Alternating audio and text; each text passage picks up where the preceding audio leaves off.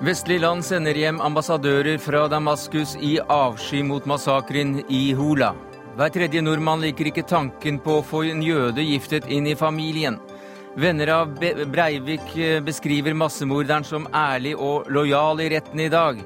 Og innvandring lønner seg ikke, har SSB funnet ut. En tallbombe i debatten, mener Siv Jensen. Ikke skyld på innvandrerne, skyld på velferdsstaten, mener Kristin Clemet.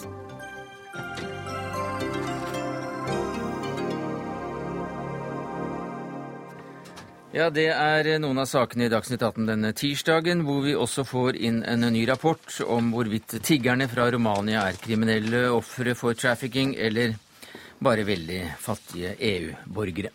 Men først til streiken. Barnehager, eksamensavvikling, søppeltømming, skipsfarten. Og det svenske Malmö det er noe av det som rammes i dag. Arne Johansen, du er forhandlingsleder for Unio Stat. Og dette er bare starten, eh, sier dere. Hvordan vil vi merke at dere strammer ytterligere inn nå dagene framover? Det vet jo på mange måter mer av det samme. At det vet mer uttak på de områdene som vi har tatt ut. Og det er klart eh, hele offentlig sektor er jo ramma. Svært mange kommuner. Viktige sentrale funksjoner i eh, statsforvaltningen. Og eh, ja, det er en eh, nokså kritisk situasjon. Eh, og det mener jo vi å plassere ansvaret på hos en annen enn den som sitter her i studio nå, da.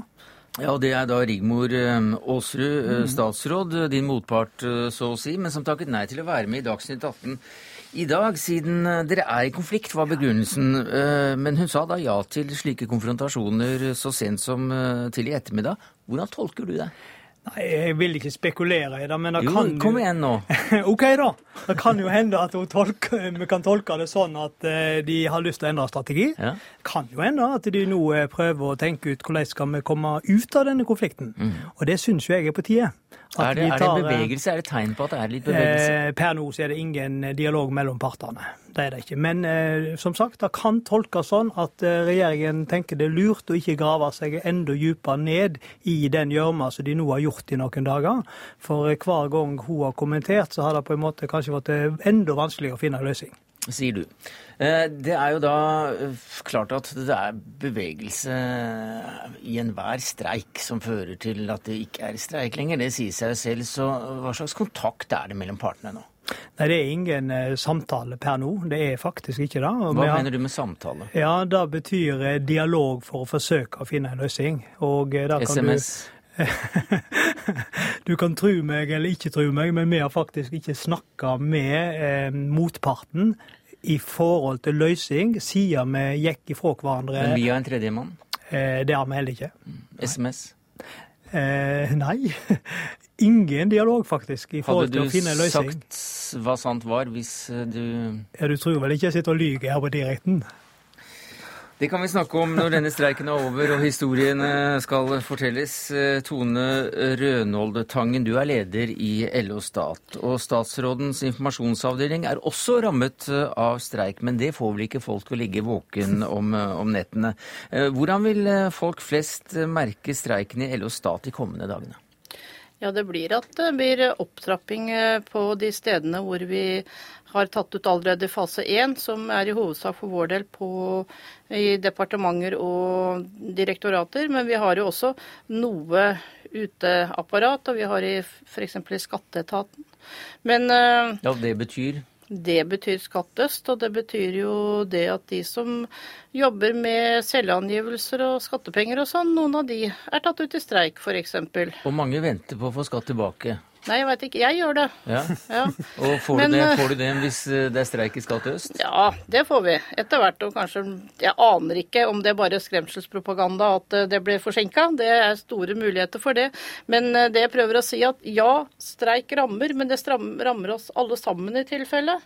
Og det er jo litt streikens vesen. Og hvis det ikke skulle ramme noen, så ville det jo ikke være noe vits i å streike. Men dere i, i LO Stat, YS og Unio krangler også med Fornying- og administrasjonsdepartementet om, om, tall. Hva er det egentlig som står på spill i dette oppgjøret?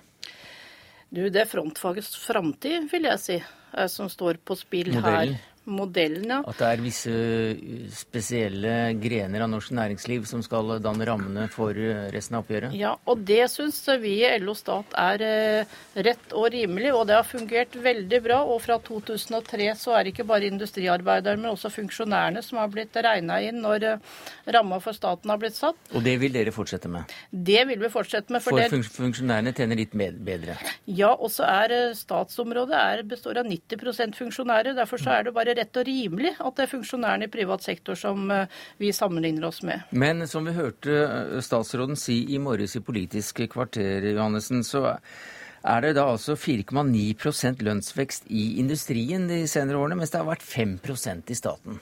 Ja, det er litt forskjellig etter hvordan du beregner dette. Altså, det er mange måter å få fram tall på, men det hun da ikke gjør, det er å se på funksjonærsjiktet i tillegg.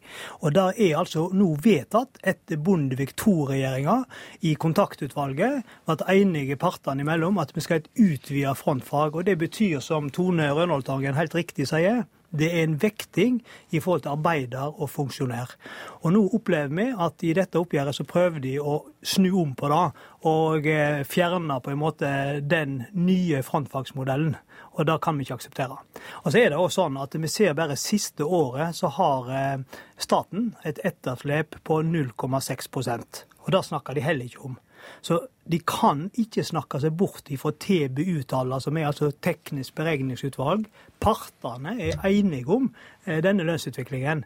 Og eh, hvis vi ser på, eh, på industrifunksjonær og offentlig tilsatt, så er det nå en lønnsskilnad på ca. 120 000. Jo, men hvis vi koker alt det du sier mm. nå helt ned mm. til ekstrakten, så ja. hva som skal komme ut av forskjellene på tilbud og krav her, så er det altså ca. 1000 kroner i år. Nei, dette stemmer ikke. Hvis du tjener 350 000 kroner, 0,27 eh, av det Men eh, så enkelt er det ikke. For dette det er to halvliter i måneden. Ja, det er jo ikke noe å lokke med for en avholdsmann, da. Så, så, så den eh, hjelper det ikke med. Men poenget er at dette er tallmagi. For det spørs hvor tid du beregner det. Og du veit ikke, og ingen andre som driver og spekulerer, veit siste tilbudet fra staten, og eller hva vi krevde. Dette er spekulasjoner, programleder. Og så har jeg lyst til å si at eh, når vi forhandler, så dreier det seg òg mer enn om bare lønn. Det dreier seg om en del viktige prinsipp. Partsforhold, arbeidstid og det dreier seg om systemet for lønnsforhandlinger i framtida i staten, som også Rønholdtang er inne mm. på.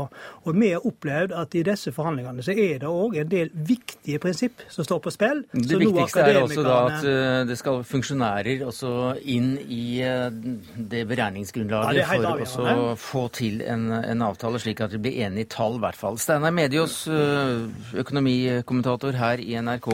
Vi hørte Arne Johannessen bruke ordet tallmagi. Eh, er det noe tallmagi ute og går? Det er et tall som stadig nevnes eh, fra den ene og den andre part, ja, og det er et firetall? Det er et firetall. Det, det tror jeg faktisk det er. Og det er tallmagi. Og det er også talljuks. Og det var det også for 28 år siden, da det, det var konflikt den gangen. og det er altså vi må så langt tilbake for å finne en tilsvarende konflikt. Mm. Så på mange måter så handler denne konflikten om noe vi vet, og noe vi ikke vet. Vi vet at referansepunktet blir endret fra statens side.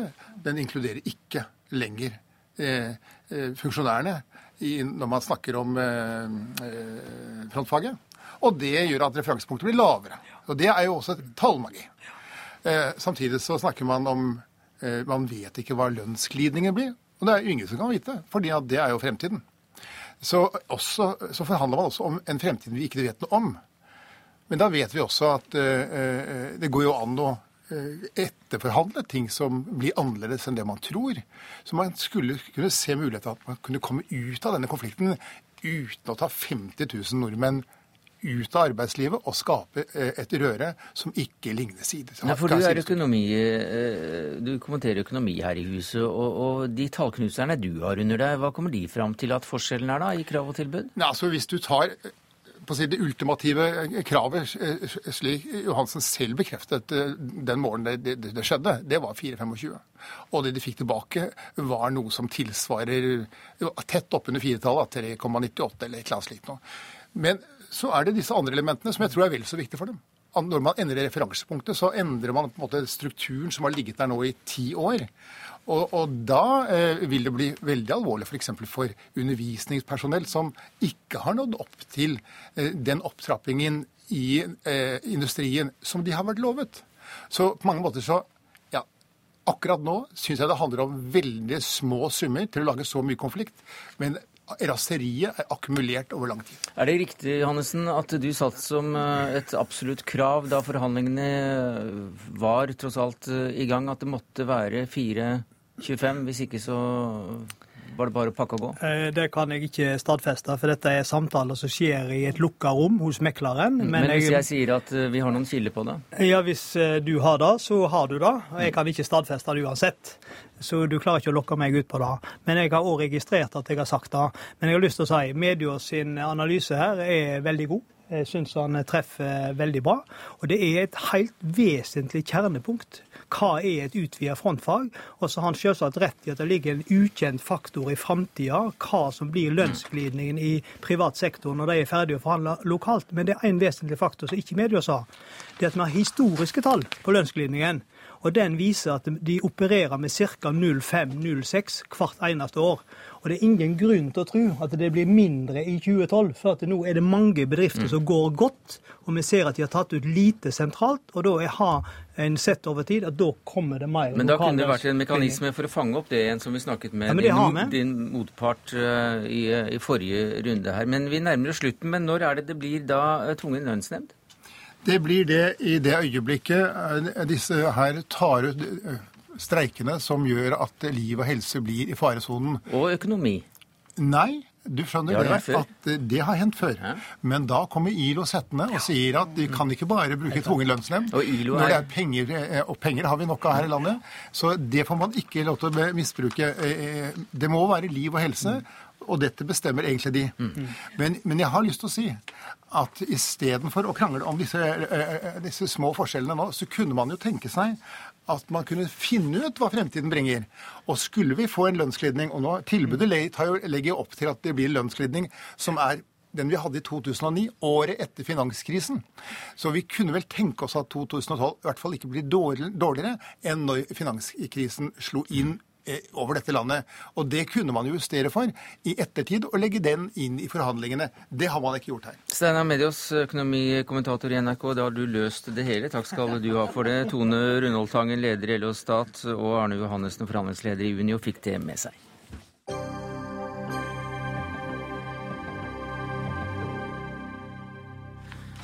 Mer økonomi og mer regnskap her i Dagsnytt 18. For uh, i forrige uke kom det som kjent et slags innvandrerregnskap fra Statistisk sentralbyrå, fullt av røde tall.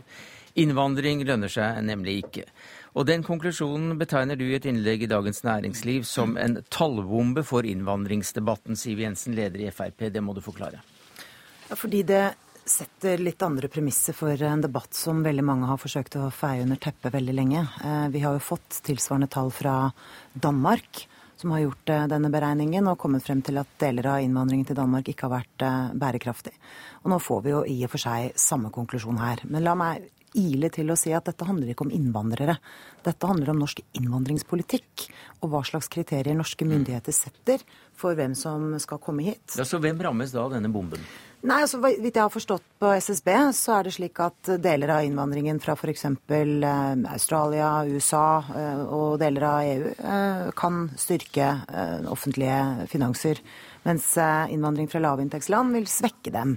Og det henger jo sammen med den politikken som har vært ført i Norge veldig lenge, nemlig at vi ikke har hatt likevekt mellom rettigheter og plikter. Derfor har jo Fremskrittspartiet vært veldig tydelig på at det må være strengere krav til å yte i det norske samfunnet fremfor å raskt komme inn i, i, stønadskøen. fordi det er dessverre litt av problemet. Det er veldig mange innvandrere, særlig fra lavinntektsland, som ikke er i arbeid, og derved også er en betydelig utgift for det og norske samfunnet. Og Dette går det vel an å være enig for deg som leder i Civita, Kristin Clemet, men allikevel så har du satt en del store spørsmålstegn ved, også ved rapporten. Nei, altså jeg, I og for seg så har jeg ikke noen grunn til å si at det er noe galt med rapporten, men det er viktig at vi si, diskuterer den med det faktiske innholdet den har. Mm. Uh, og det dreier seg jo ikke om innvandring er lønnsomt eller ikke, men om uh, det er lønnsomt for offentlige kasser. Og det Statistisk sentralbyrå har funnet ut, er at gjennomsnittsnordmannen allerede er ulønnsom for offentlige kasser. Eh, vi betaler inn mindre enn vi får ut. Og det er ikke bærekraftig i det lange løp. Det betyr at velferdsstaten ikke er fullfinansiert. Og det andre SSB sier, er at hvis innvandrere til Norge på lang sikt begynner å bli akkurat som oss nordmenn, ja, så blir de nøyaktig like lønnsomme eller ulønnsomme for offentlige kasser. Og så er spørsmålet er det veldig realistisk. Jeg tror ikke det.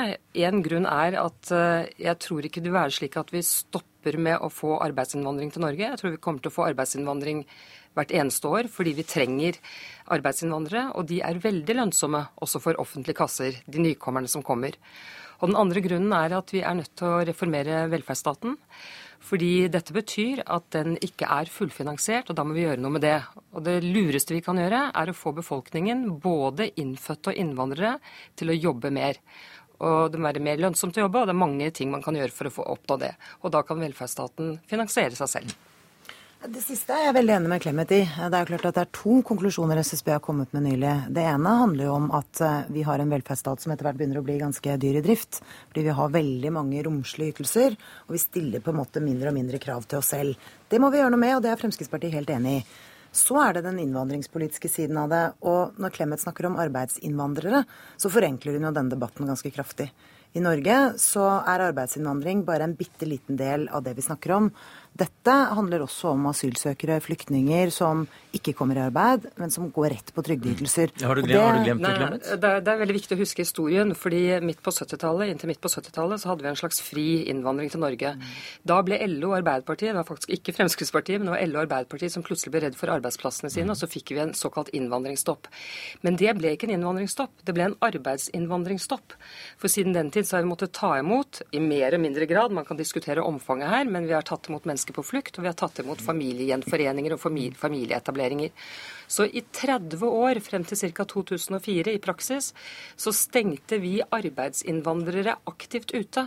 Siden den gangen så har veksten i antall arbeidsinnvandrere fra EØS-området steget voldsomt, og nå er de i flertall. Mm. Men det er klart at det, det er som bestilt. Når, fordi mennesker som kommer fra flukt eller familiegjenforeninger, de kan ikke være like arbeidsklare dag to som en arbeidsinnvandrer er. Nei, men Det er jo derfor jeg syns at Kristin Clemet ikke er på sporet når hun eh, skriver det innlegget hun har gjort i, i avisen. fordi hun det er jo helt riktig. Vi har hatt tilsynelatende innvandringsstopp i Norge siden 70-tallet.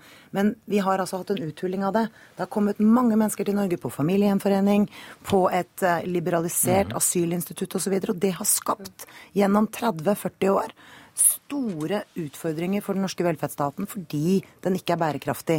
Og så er det én dimensjon til. Men er det derfor, det, er, er, det, er det, det poenget der som gjør Et øyeblikk, jeg må bare spørre uh, om, om, det er det som gjør da at du, du sier at, uh, at Kristin Clemet er en forlengelse av snillismen? Ja, Det er et lite sånn snillisme-ekko i det Kristin Clemet sier. Og så sier hun... du også at hun putter hodet i salen som en struts?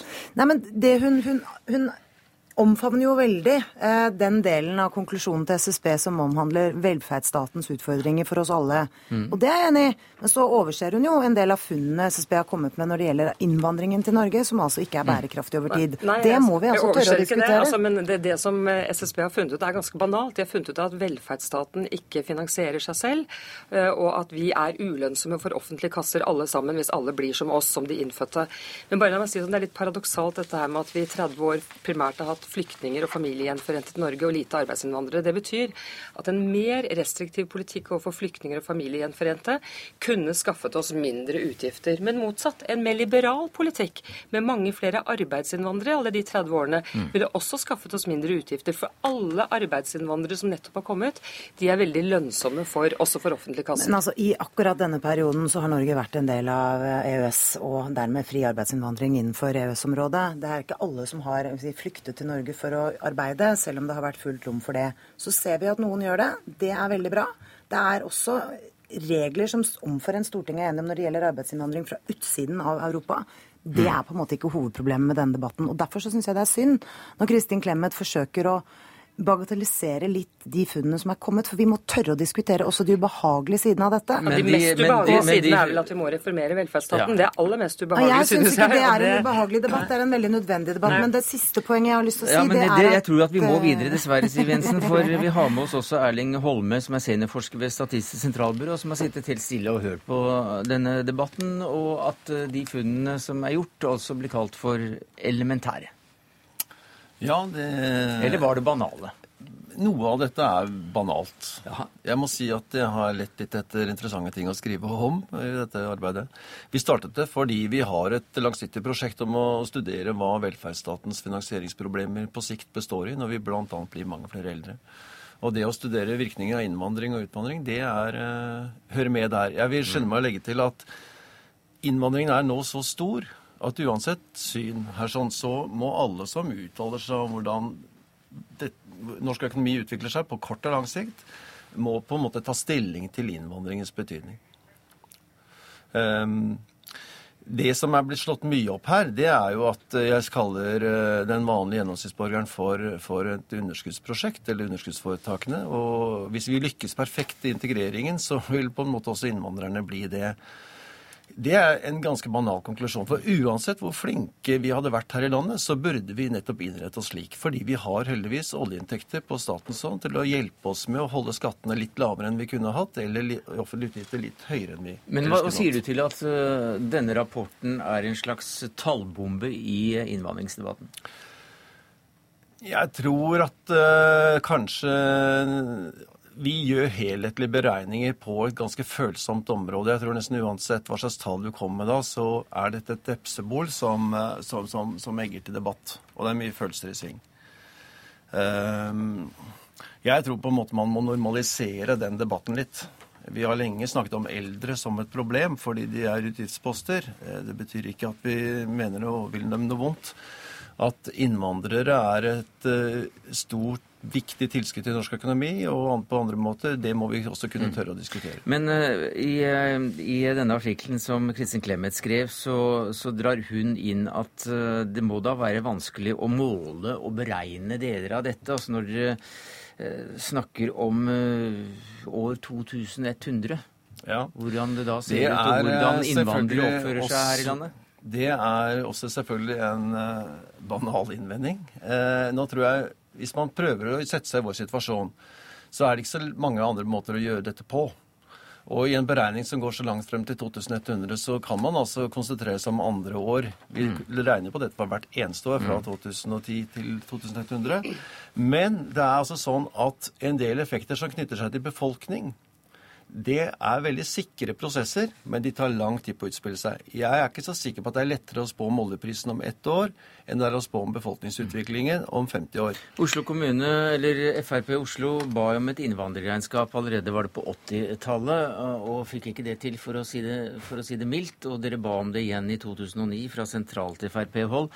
Er dette et slags innvandrerregnskap, vil du si, Siv Jensen? Ja, altså, Av respekt for SSB så skal ikke jeg sette noe merkelapp på det. De har gjort en beregning, og så er det opp til oss politikere å diskutere virkemidlene. Og Fremskrittspartiet har i hvert fall vært klinkende klare veldig lenge på at vi må ha helt andre kriterier. Vi har f.eks. For i forhold til dagens innvandringspolitikk sagt at det er særlig tre ting vi må gjøre. Vi må stramme inn i familiegjenforening. Vi er nødt til å begrense eh, kriteriene for å få opphold i Norge gjennom mm. asyl. Og vi må stille krav til aktivitetsplikt, fordi det er det eneste virkemidlet som raskt får flere i arbeid. Og jeg har lyst til å minne om mens, mens at man Clement, gjorde det i Danmark. Da steg altså arbeidsledigheten. Ja, det som er veldig spennende, er at mye av det vi ikke diskuterer her, er jo hvordan, hvordan det er, hvor bra det er for utvikling og fattigdomsbekjempelse i verden at vi har migrasjon og innvandring. Og Det kan bety bl.a. at andre land blir rikere enn de ellers ville ha blitt, og at vi får en større utvandring igjen av innvandrere som ikke er så lett å beregne på forhånd. Det er en fin debatt som vi kan ta en annen gang. Takk skal du ha, Kristin Clemet, leder i Civita. Siv Jensen, leder i FR. Frp, og Erling Holme, seniorforsker i Statistisk sentralbyrå.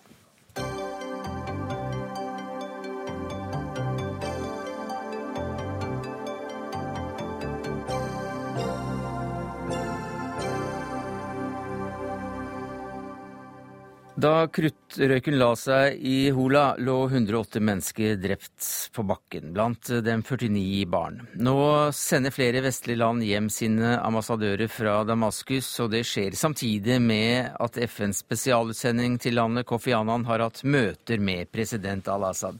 Sigurd Falkenberg Mikkelsen, du er vår korrespondent i, i Midtøsten. Hva kom fram etter møtet mellom disse to? Ja, Kofi Annan har akkurat holdt en uh, kort tale til uh, pressen. Uh, og han sa det, det, som jeg har sett så langt, er at han sa at Syria nå var på et vippepunkt, et vendepunkt, og sa ikke så veldig mye mer enn det. Eh, og så har vi da eh, Bashar al-Assad, som ifølge statlige nyhetsbyrået Sana har sagt at eh, for at Kofi Annans fredsplan skal virke, så må terrorismen stoppes og våpensmuglingen stanses. Så hvis dette er hele beholdningen fra møtet, så har det vært et rimelig mislykket møte sett fra Kofi Annans ståsted, og også fra resten av verdens ståsted, som jo støtter han. Han reiser jo med et mandat fra Sikkerhetsrådet og fra, fra den arabiske liga som spesialutsending da, for å prøve å gjennomføre denne fredsplanen eh, som, eh, som, nå er i, i, dyp krise, for å si det forsiktig. Så de eh, pessimistiske vendingene du brukte før dette møtet, det ser ut som slår til at ikke det kommer noe særlig ut av det? Det ser i hvert fall sånn ut nå. og Så får vi se om det kommer noen eh, andre, andre uttalelser, eller om det har ligget noe annen, noen politiske vendinger eh, som ikke har kommet eh, offentligheten for øre. Men sånn som det ser ut nå, så det vært, er det ganske, eh, ganske dårlige resultater og lite som har kommet ut av møtet. FN gransker massakren. Eh, hvilke svar har vi fått nå om hva som skjedde? Det, det, ja, Det de sier som er nytt, eh, er at uh, altså det er mye færre enn det vi trodde opprinnelig som er drept av artilleri. Uh, av de 100 108, som er tallet de bruker nå, så er bare underkant av 20 drept av artilleri, mens resten er drept eh, på kloss hold av væpnede menn, altså rene henrettelser. Så dette gjør jo at massakrene er kanskje enda mer brutale enn vi trodde først. Eh, det er fortsatt, så har ikke FN sagt helt tydelig hvem som står bak, og det er jo et av nøkkelspørsmålene her. Innbyggere i området sier at det er væpnede menn fra lokale militser tilhørende, altså, som er lojale til regjeringen som står bak. Eh, og det virker ganske sannsynlig gitt hvordan denne konflikten har utspilt seg. Eh, men det er ikke konkludert, og FN har så vidt jeg har sett, heller ikke konkludert på det. Og så har du da regjeringen som eh, påstår at dette var terroristers håndverk og islamister og, og slike ting. Men det som er, ligger i bunnen her, er jo frykten for at dette utvikler seg nå til en, en, en ren sekterisk konflikt. og så langt så har det syriske samfunnet faktisk holdt eh, ganske godt gjennom. Men det vi ser nå med denne Hola-massakren, er altså at eh, det var en eh, gruppe med landsbyer som er sunnimuslimske, som da ligger omringet av en gruppe med alawittiske landsbyer. Alawittene er altså de som sitter med makten i landet, som Bashar al-Assad hører til.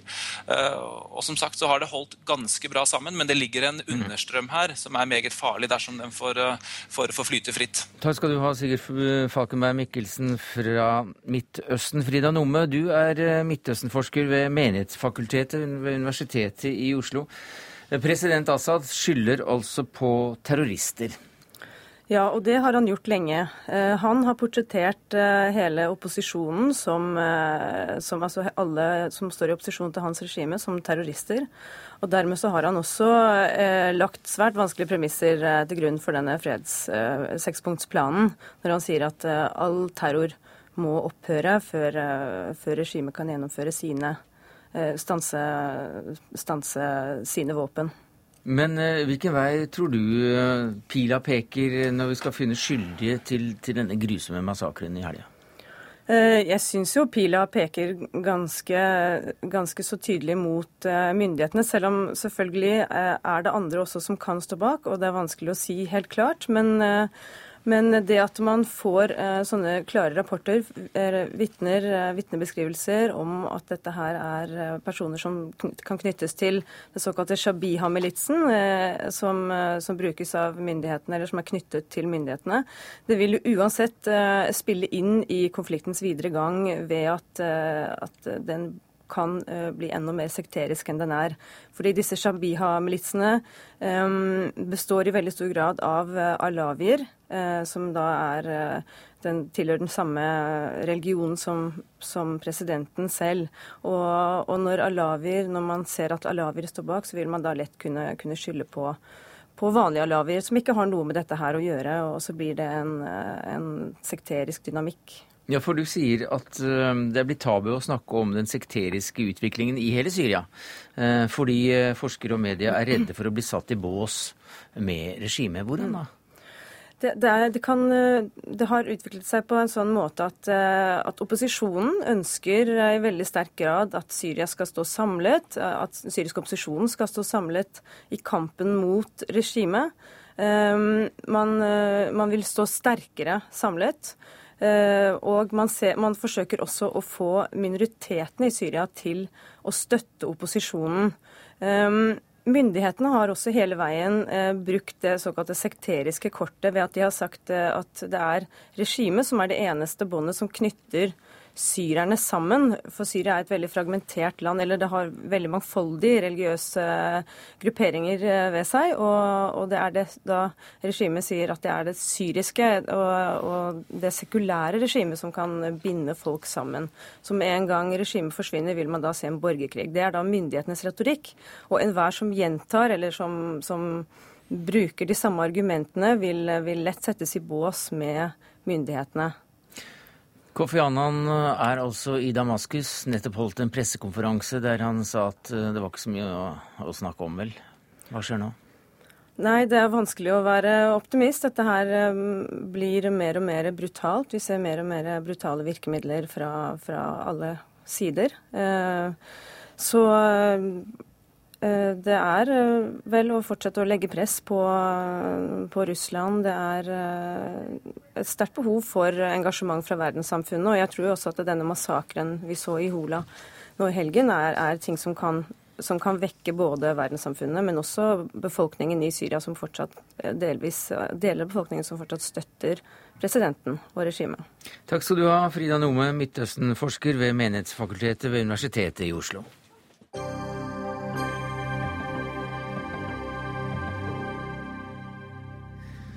I sal 250 eh, i Oslo tingrett var det vennene til Anders Behring Breivik som sto i vitneboksen i dag. Reporter Eva Marie Strand, hva sa de om eh, tiltalte? Jo, en han eh, beskrev Breivik som en fortrolig venn, en man kunne stole på. Han sa også at han var en av de mest sosiale personene han noen gang har kjent. Ganske godt humør, sprudlende. Eh, som det ble nevnt tidligere her, så ble han beskrevet som åpen, lojal, også forfengelig. Det var en kamerat som bl.a. nevnte at han brukte pudder. At han var veldig opptatt av håret, veldig opptatt av hvordan klær han hadde på seg. Og det var også en neseoperasjon som har vært veldig mye omtalt i retten i dag. I dag eh, vitnet også ekskjæresten til eh, en som omtales som bestevennen. Eh, og hun er den som har uttrykt minst overraskelse over at han var gjerningsmann 22.07. Hva sa hun? Hun sa at hun merka en veldig tydelig endring hos han skoleåret 2005-2006. Og da sa hun at hun, hun merka når han da altså han flytta hjem til mora våren 2006. Før det så sa hun det skjedde flere ting. altså Firmaet som han hadde, gikk konkurs. Han måtte si opp de ansatte han hadde. Eh, han eh, hadde begynt å spille veldig mye, sånn at han snudde døgnet, var oppe om natta og spilte og sov om dagen.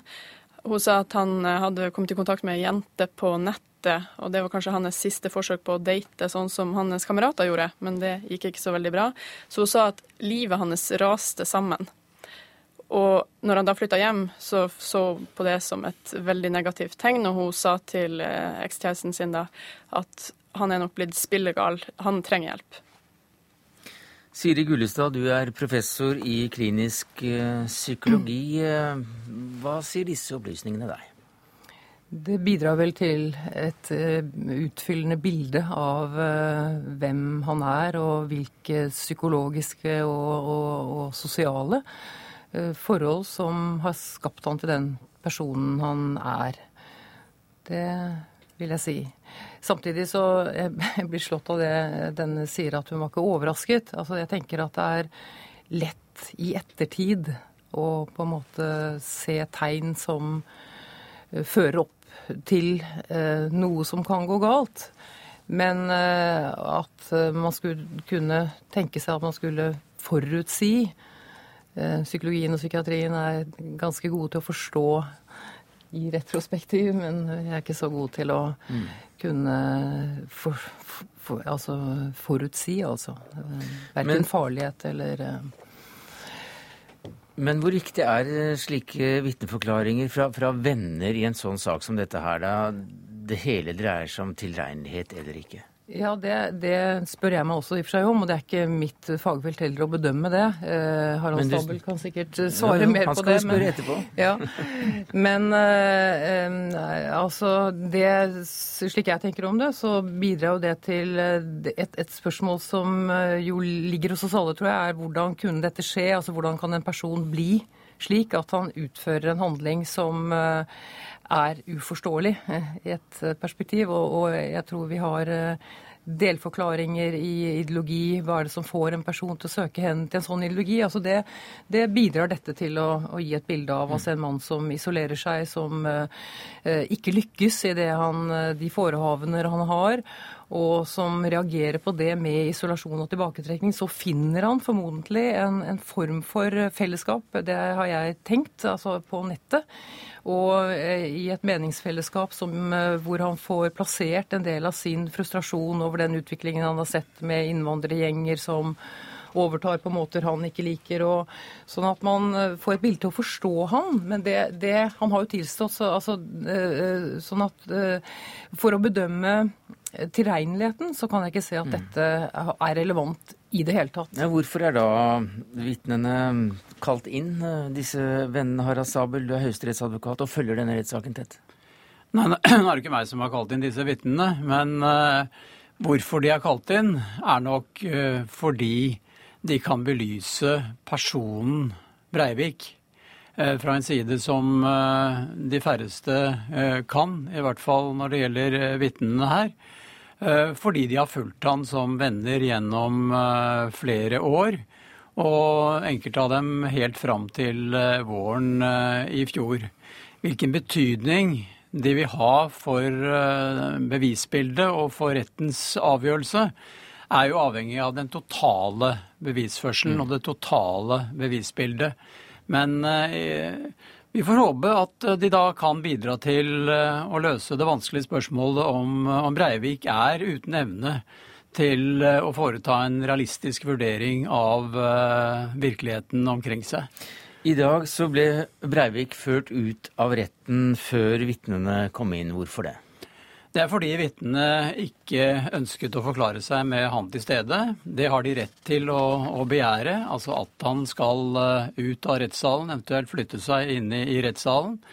Og det er domstolen da som tar standpunkt til en slik begjæring. Og det man tar hensyn til da, er selvfølgelig om, eh, eller frykten for at vitnene ikke vil gi en fullstendig eh, og uforbeholden forklaring med han til eh, stede. Men samtidig så går jo dommerne da glipp av å kunne observere den tiltalte, og ikke minst de sakkyndige, kunne observere ham mens vennene snakker? Helt riktig.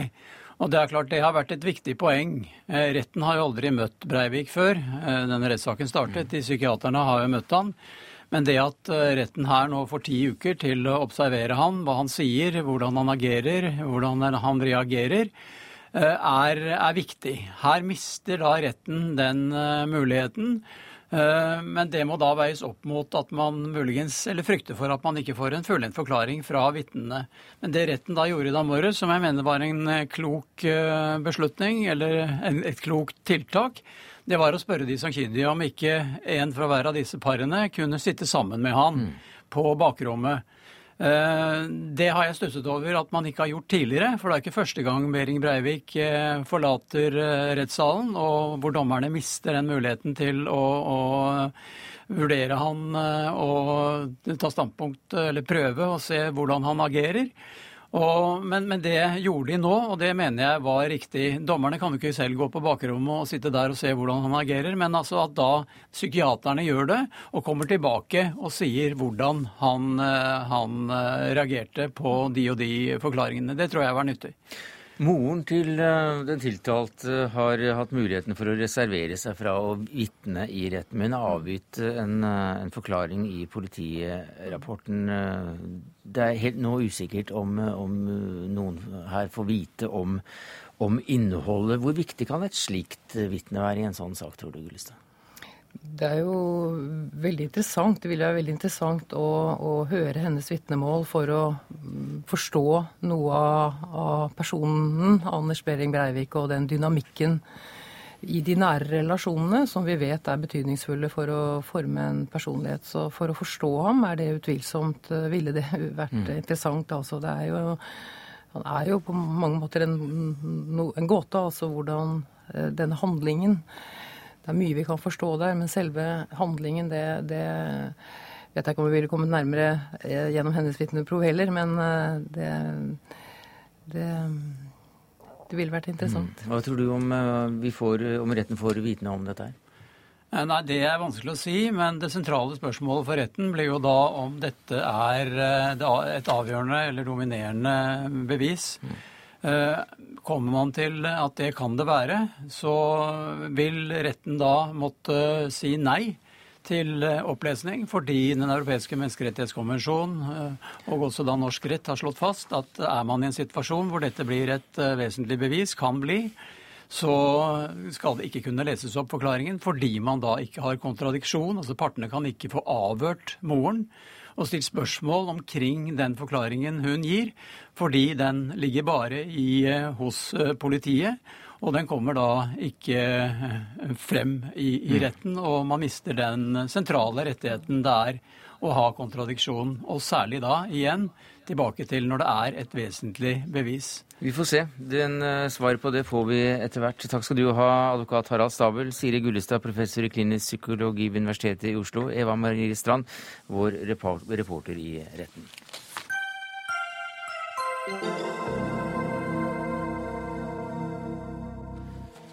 «12,5 av nordmenn, eller 600 000 av oss, har det som blir karakterisert som utpregede fordommer mot jøder. Det viser en eh, kartlegging som Senter for studier av holocaust og livssynsminoriteter har foretatt på oppdrag fra regjeringen. Og vi har omtrent da 1500 jøder her i landet, og 33% av oss 33% av oss ville ikke likt at en av dem giftet seg inn i vår familie. Øyvind Kopperud, du er en av forskerne bak den rapporten. Hva sier du til disse tallene? Nei, altså det er klart uh, I et europeisk perspektiv så er det mange som sier dette er lavt. Uh, men lavt er det jo ikke. Det er jo 400 000 personer som har disse holdningene. Hvis du ser det utover ett, og hvis du ser på en del av de funn vi har funnet, så er de på en måte enda verre. Mm -hmm. Hvilke da?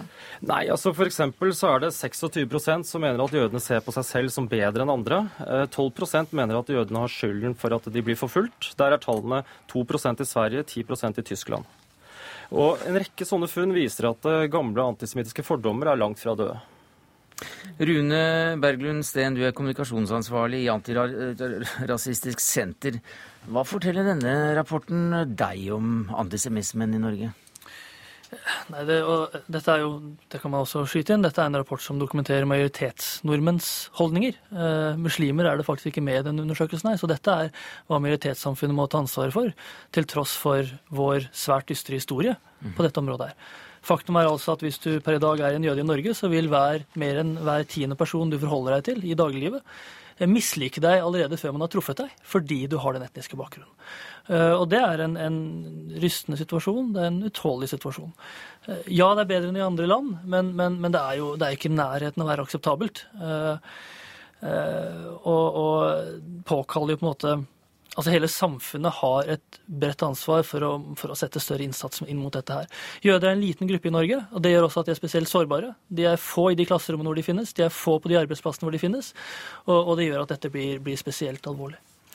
Eh, Inga Marte Torkelsen, som inkluderingsminister så er det du som har eh, bestilt rapporten, eller var det din eh, forgjenger. Hva skal dere bruke den til? Jeg tenker at det er viktig å bruke rapporten for å eh, reflektere over hva slags samfunn Norge er. Eh, det gir oss et bedre grunnlag for å diskutere basert på kunnskap. Eh, og for å gå videre med å finne ny kunnskap. Og for å utvikle flere tiltak som kan bekjempe diskriminerende holdninger. Ja, Hva slags tiltak kan det være snakk om? Jeg, jeg tenker at veldig mye handler om eh, holdninger som vi former tidlig hos folk. Mm. Så hos barn og unge. Og skolen har alltid vært en viktig arena for holdningsdannelse, men det handler jo også om hva slags Eh, ytringer som eh, er akseptable i offentligheten. Hva vi trekker på skuldrene av, hva vi faktisk går i rette med, jf. den debatten vi har hatt etter 22.07. også. Eh, og så handler det om å, jobbe veldig systematisk med eh, å fjerne barrierer for folk. Eh, Rune Berglund Steen var inne på dette med hva, hva, som skjer når folk møtes av den typen holdninger som vi har fått avdekka her. Da dreier det seg om altså, at du ikke får prøvd deg som individ. Det handler om at du blir slått i hardkorn med en litt udefinerbar gruppe som har noen kjennetegn som noen har plassert på deg, og som gjør at du ikke får en mm. frihet som andre tar for gitt. Og det er veldig alvorlig for den enkelte, og det er veldig alvorlig for samfunnet som går glipp av ressurser også. Ja, nei, jeg vil også skyte inn at uh, Det er viktig å påpeke at i Norge har vi jo politisk og økonomisk stabilitet. Antisemittismen øker når ting ikke er stabilt. Det ser vi i Europa for øvrig. Spania høy antisemittisme, Ungarn høy antisemittisme. Og disse tallene vil jeg si er relativt eh, høye, med tanke på den stabile politiske og økonomiske situasjonen vi faktisk mm. har. Ja, Jan Otto Johansen, hva sier du til det? Vi eh, skårer også litt bedre enn de fleste europeiske land, men vi er da også i en mye heldigere situasjon eh, økonomisk. Det synes jeg gjør tallene, i undersøkelsen, enda mer alvorlig. Mm. For hvis vi i Norge hadde hatt en massearbeidsledighet, mm så kunne man forklart det, ikke akseptert det, men forklart det ut fra at eh, ja, jødene de står bak alt, de har internasjonale forbindelser og hele denne greia. Til og med en professor gikk ut, og han ble ikke motsagt ordentlig nok, og ba folk lese Sions vises protokoller. Dette makkverk av en uh, propagandahistorie fra tsartiden. Eh, altså, det er noe her som uh, ligger i oss som en orm. Eh, og da mener jeg at eh, Og jeg er helt enig med det som er blitt sagt. At når et samfunn som har så lite økonomiske og sosiale problemer som vi har, sammenlignet med f.eks. Ungarn, som er i en elendig situasjon, da er tallene syns jeg skremmende. Meget skremmende. Men det altså at 33% det er en tredjedel av oss, ikke vil like at en jøde blir giftet inn i familien, hva er det for noe? da? Jeg skulle likt å gi deg et veldig godt svar. Men du er forsker? Ja, jeg er forsker, men akkurat en del ting kan man ikke svare på. Jeg tror det har med fremmedgjøring. Jeg tror det har også med at uh, når folk tenker på jøden, så tenker de ikke på en konkret jøde. De tenker på Det ligger noe nedarvet i vår tradisjon.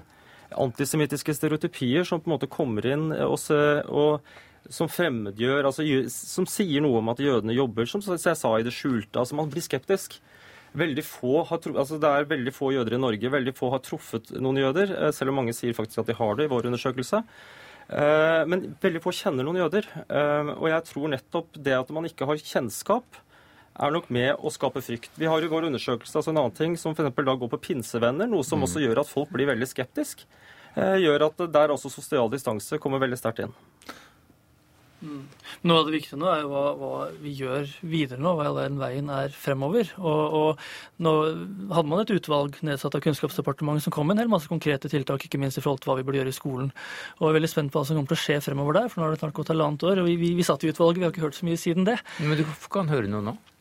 Ja, eh, jeg tror også at Kristin Alvorsen må også få muligheten til å si nøyaktig hvor langt de har kommet. Men jeg snakka med henne i stad. Eh, og de sier at de er godt i gang med det arbeidet. Så jeg håper jo at de også har dialog med Antirasistisk Senter. Men jeg vet at Det mosaiske trossamfunn bl.a. har vært veldig tett på Kunnskapsdepartementet. Eh, og de jobber jo både med et eh, etterutdanningsopplegg for lærere, som er viktig, og de jobber også med en helhetlig tilnærming for mm. hele skolen for å sikre at det skal være et systematisk opplegg. Men du hører nå for... at det er en viss utålmodighet bl.a. av de som var med i utvalget for at lite har skjedd? Ja, det er mulig. Eh, men jeg veit nå i hvert fall at jeg er godt i gang med det arbeidet. Både når det gjelder etterutdanning og når det gjelder hvordan man skal systematisere dette. Men det som har vært viktig fra vår side, det er at vi ønska et kunnskapsgrunnlag som kunne gjøre at vi kunne utvikle bedre tiltak. Og noe av den kunnskapen har vi fått nå, og så mener jeg at vi også må gå videre og se på om den må spisses mer. Det er jo en del spørsmål som stilles her som er veldig relevante. Eh, eksempel så syns jeg det er også ikke bare overraskende, men sjokkerende at det er et så stort antall som ikke kunne ønske seg at en jøde ble gifta inn i sin familie. Mm. Jeg ser jo også, eh, ut fra den undersøkelsen som har kommet her, at det er de som har de sterkeste antisemittiske holdningene, har også de sterkeste nedlatende, diskriminerende eller rasistiske holdningene mot andre grupper. Så det henger sammen. Men da er kunnskapen den ligger på bordet. De som var med i et eh, tidligere utvalg for å sette i gang arbeid eh, også mot eh, antisemittisme, de er utålmodige, og det har du da tatt med deg som barne-, likestillings- og inkluderingsminister Inga Marte Torkelsen. Takk for at du kom. Takk til Øyvind Kopperud, forsker ved Senter for studier av holocaust og livssynsminoriteter. Rune Berglund Steen, kommunikasjonsansvarlig i Antirasistisk Senter. Eh, Jan Otto Johansen, du må nesten bli sittende. For vi skal eh, fra jøder til romfolket. Eh, For det er nok flere av oss som, som lurer på hvem de er, disse gamle damene i vide skjørt og skaut på hodet som sitter og tigger, mens vi haster forbi med litt dårligere samvittighet. Hvem er de, hvor kommer de fra, hvorfor eh, er de her, hvordan er de organisert, og hvilke utfordringer representerer deres møte med vår velferdsstat? En som har stilt seg disse spørsmålene, er deg, Ada I. Engbrigtsen Men som da forsker ved NOVA, Norsk institutt for forskning og oppvekst, velferd og aldring, så har du også funnet noen svar. Så la oss begynne med dette. Hvem er de? Ja, De aller fleste som tigger på gaten i Oslo og andre byer i, i Norge, er rom. En minoritet i Romania som kaller seg rom. Og det fins også en del andre mino- sigøynerminoriteter, for å bruke et ord i mangel av noe bedre, og enkelte rumenere. De kommer alle sammen fra, i hvert fall alle jeg har snakket med, fra Romania. Eh, De kommer i all, all hovedsak frivillig, som familiegrupper, pga. fattigdom, diskriminering og eksklusjon i Romania. Men trafficking? Trafficking er ikke dokumentert i noe stort omfang for disse gruppene. Og rapporter som jeg nylig har lest om trafficking blant rom, sier ganske tydelig at trafficking er blitt et veldig politisert begrep, som blir brukes av statsledere for å bli kvitt en tigging. Mens hvis det hadde vært i Norge, så hadde de fått en enda større beskyttelse? Altså, Ifølge disse nye retningslinjene som er utarbeidet for traffickingofre, for arbeid mot trafficking, så skal jo nettopp det de traffickingofre gis tilbud om opphold i Norge og ja, støtte på alle mulige måter. Denne rapporten sett under ett, eh, hva, hva er de viktigste funnene, syns du? Jeg syns eh, de viktigste eh, funnene Dette er jo en undersøkelse som er delvis satt sammen av eh, intervju eller samtaler med tiggere selv, men også med forskning, av forskning i andre land og samtaler med de som arbeider med med rommigranter, eller, eller tiggere. Og det viktigste er, syns jeg, å ha fått bekreftet veldig sterkt at den, all, den store hovedvekten av denne eh, migrasjonen, eller disse tiggerne, er resultatet er resultat av frivillig migrasjon. Det syns jeg for så vidt er det viktigste. Fordi disse gruppene nå er stigmatisert til de grader. Altså de er stigmatisert fra før, og nå denne politiske diskursen om trafficking og kriminelle bander har vært med på å styrke diskrimineringen mot dem, og på en måte legitimere ganske mye hat som kommer til uttrykk på en del sånne medier mot det- disse gruppene. Men det ene utelukker vel ikke det andre, så det kan vel fremdeles være kriminelle bander? Det er ganske sikkert noen kriminelle bander, men det er veldig lite som tyder på at de som sitter og tigger på gata, er de samme som de som driver med kriminalitet, organisert kriminalitet. Hvordan er de organisert, da? Altså, de er organisert i familier. Det er akkurat som all annen migrasjon. Det er en familie som finner ut at, eh, som har, kjenner noen som har vært et eller annet sted i Europa og tjent penger, og så samler de familien, de som vil være med, og sikkert noen som egentlig ikke har lyst til å være med. Og så reiser de med eh, stort sett enten med rutebuss eller med en busser som er satt opp, eller som er en, sikkert en ny business som er oppstått i Romania med å frakte migranter til Europa. Eller de mange leier eller har uh, minibusser som de bor i, som de reiser med og bor i. Det er liksom hovedmåtene. Og de er ikke mer organisert enn at de, hver familiegruppe er en slags eh, økonomisk enhet som uh, deler på utgiftene og deler på øh, inntektene. Men med da det din forskning viser i denne rapporten, hvilke konsekvenser bør det ha for hvordan vi opptrer i forhold til dem? For de betyr jo da en utfordring for for oss, og ikke minst for Oslo kommune og andre kommuner og staten? Ja, altså min, min, viktigste hensikt med dette arbeidet er jo En ting er å imøtegå denne stigmatiseringen, men det er også å få diskusjonen over på et kunnskapsbasert plan. Og ikke på et myteplan, som den har vært hittil. Og eh, jeg, Det andre siktemålet mitt er å beskytte rettighetene til disse folka som EU-borgere. Ja. ja, de har det. De er EU-borgere. De har rett til innreise i alle EU-land. I land hvor det er eh, tigging er tillatt, så har de også lov å, eh, å tigge. De har rett til tilgang til offentlig rom som alle andre mennesker. Jan Otto Johansen, som forfatter og journalist så har du interessert deg for denne spesielle gruppen i flere tiår, bl.a. med bøker som 'Folket som ingen ville ha', 'Sigøynernes holocaust' og 'De mest forfulgte av de forfulgte sigøynerne på, på Balkan'. Hvor langt tilbake i historien må vi for å forstå øh, at romfolk har vært utsatt som minoritet i Europa? Ja, man må gå tilbake til opprinnelsen. De kommer altså fra Nordvest-India, Punjab. Og de første, og vi vet ikke helt hvorfor de forlot denne delen av India, de første forlot jo da eh, India på 900-tallet, eh, noen senere, og de kom i bølger. Eh, I dag har India akseptert faktisk sigøynerne, eller rom, som et eksterritorialt indisk folk. Det sier ganske mye. Altså Språket deres har jo veldig mye indisk i seg. Selv om det er ADA-arbeidet, så er det også kommet inn rumenske innslag og andre innslag. Eh, så vi vet veldig meget om hvor de kommer fra, og vi vet etter hvert ganske mye om deres vandringer. Eh, når man begynte å diskriminere dem, kan diskuteres. Men jeg tror det hadde kanskje med litt med korstogene å gjøre, med krigen med tyrkerne å gjøre.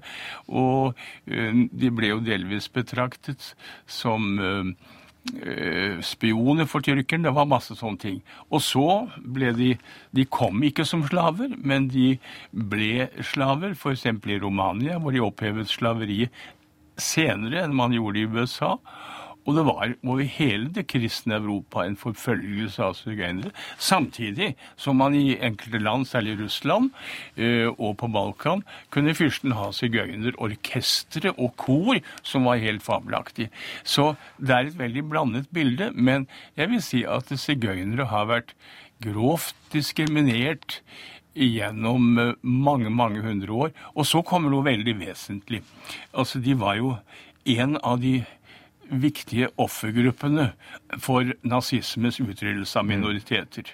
Jødene, sigøynerne, homofile osv. Og, og det som skremmer meg, var at de såkalte sigøynereksperter de var i virksomhet før nazismen, under nazismen, og fortsatte efter 45 å sitte i viktige stillinger.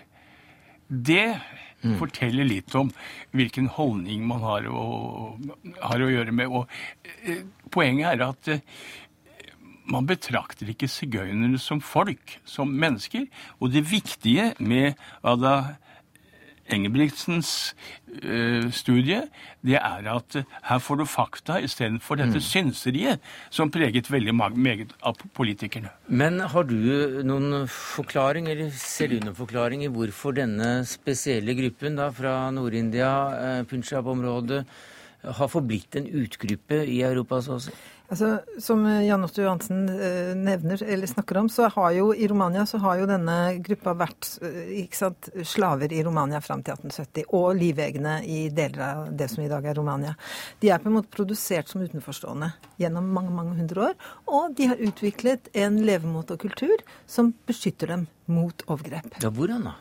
Hvordan de har gjort det? Ja. Ja, for, for, eksempel har, har, de som kaller seg rom Det er mange grupper som, som, går under samme betegnelse nå for tiden. Men de som kaller seg rom, har beholdt et eget språk som viser at de har intakte samfunn med, basert på slektskap, hvor man tar vare på hverandre, og hvor man bl.a. til dels, i hvert fall i mange grupper, er skeptisk til majoritetskulturen. På den måten at man er skeptisk til å sende barn på skolen i mange samfunn. Man er skeptisk til å underkaste seg arbeidsgivere.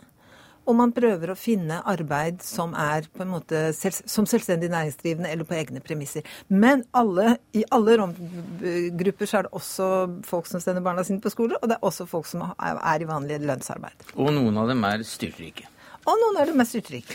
Takk skal du ha, Ada Engebrigtsen, forsker ved NOVA, Norsk institutt for forskning om oppvekst, velferd og aldring, til Jan Otto Johansen, utenriksjournalist og forfatter. Det var det vi rakk i Dagsnytt 18 denne tirsdagen, takket være ansvarlig for det hele Karoline Rugeldal. Det tekniske ansvaret hadde Erik Sandbråten. Jeg heter Sverre Tom Radøy.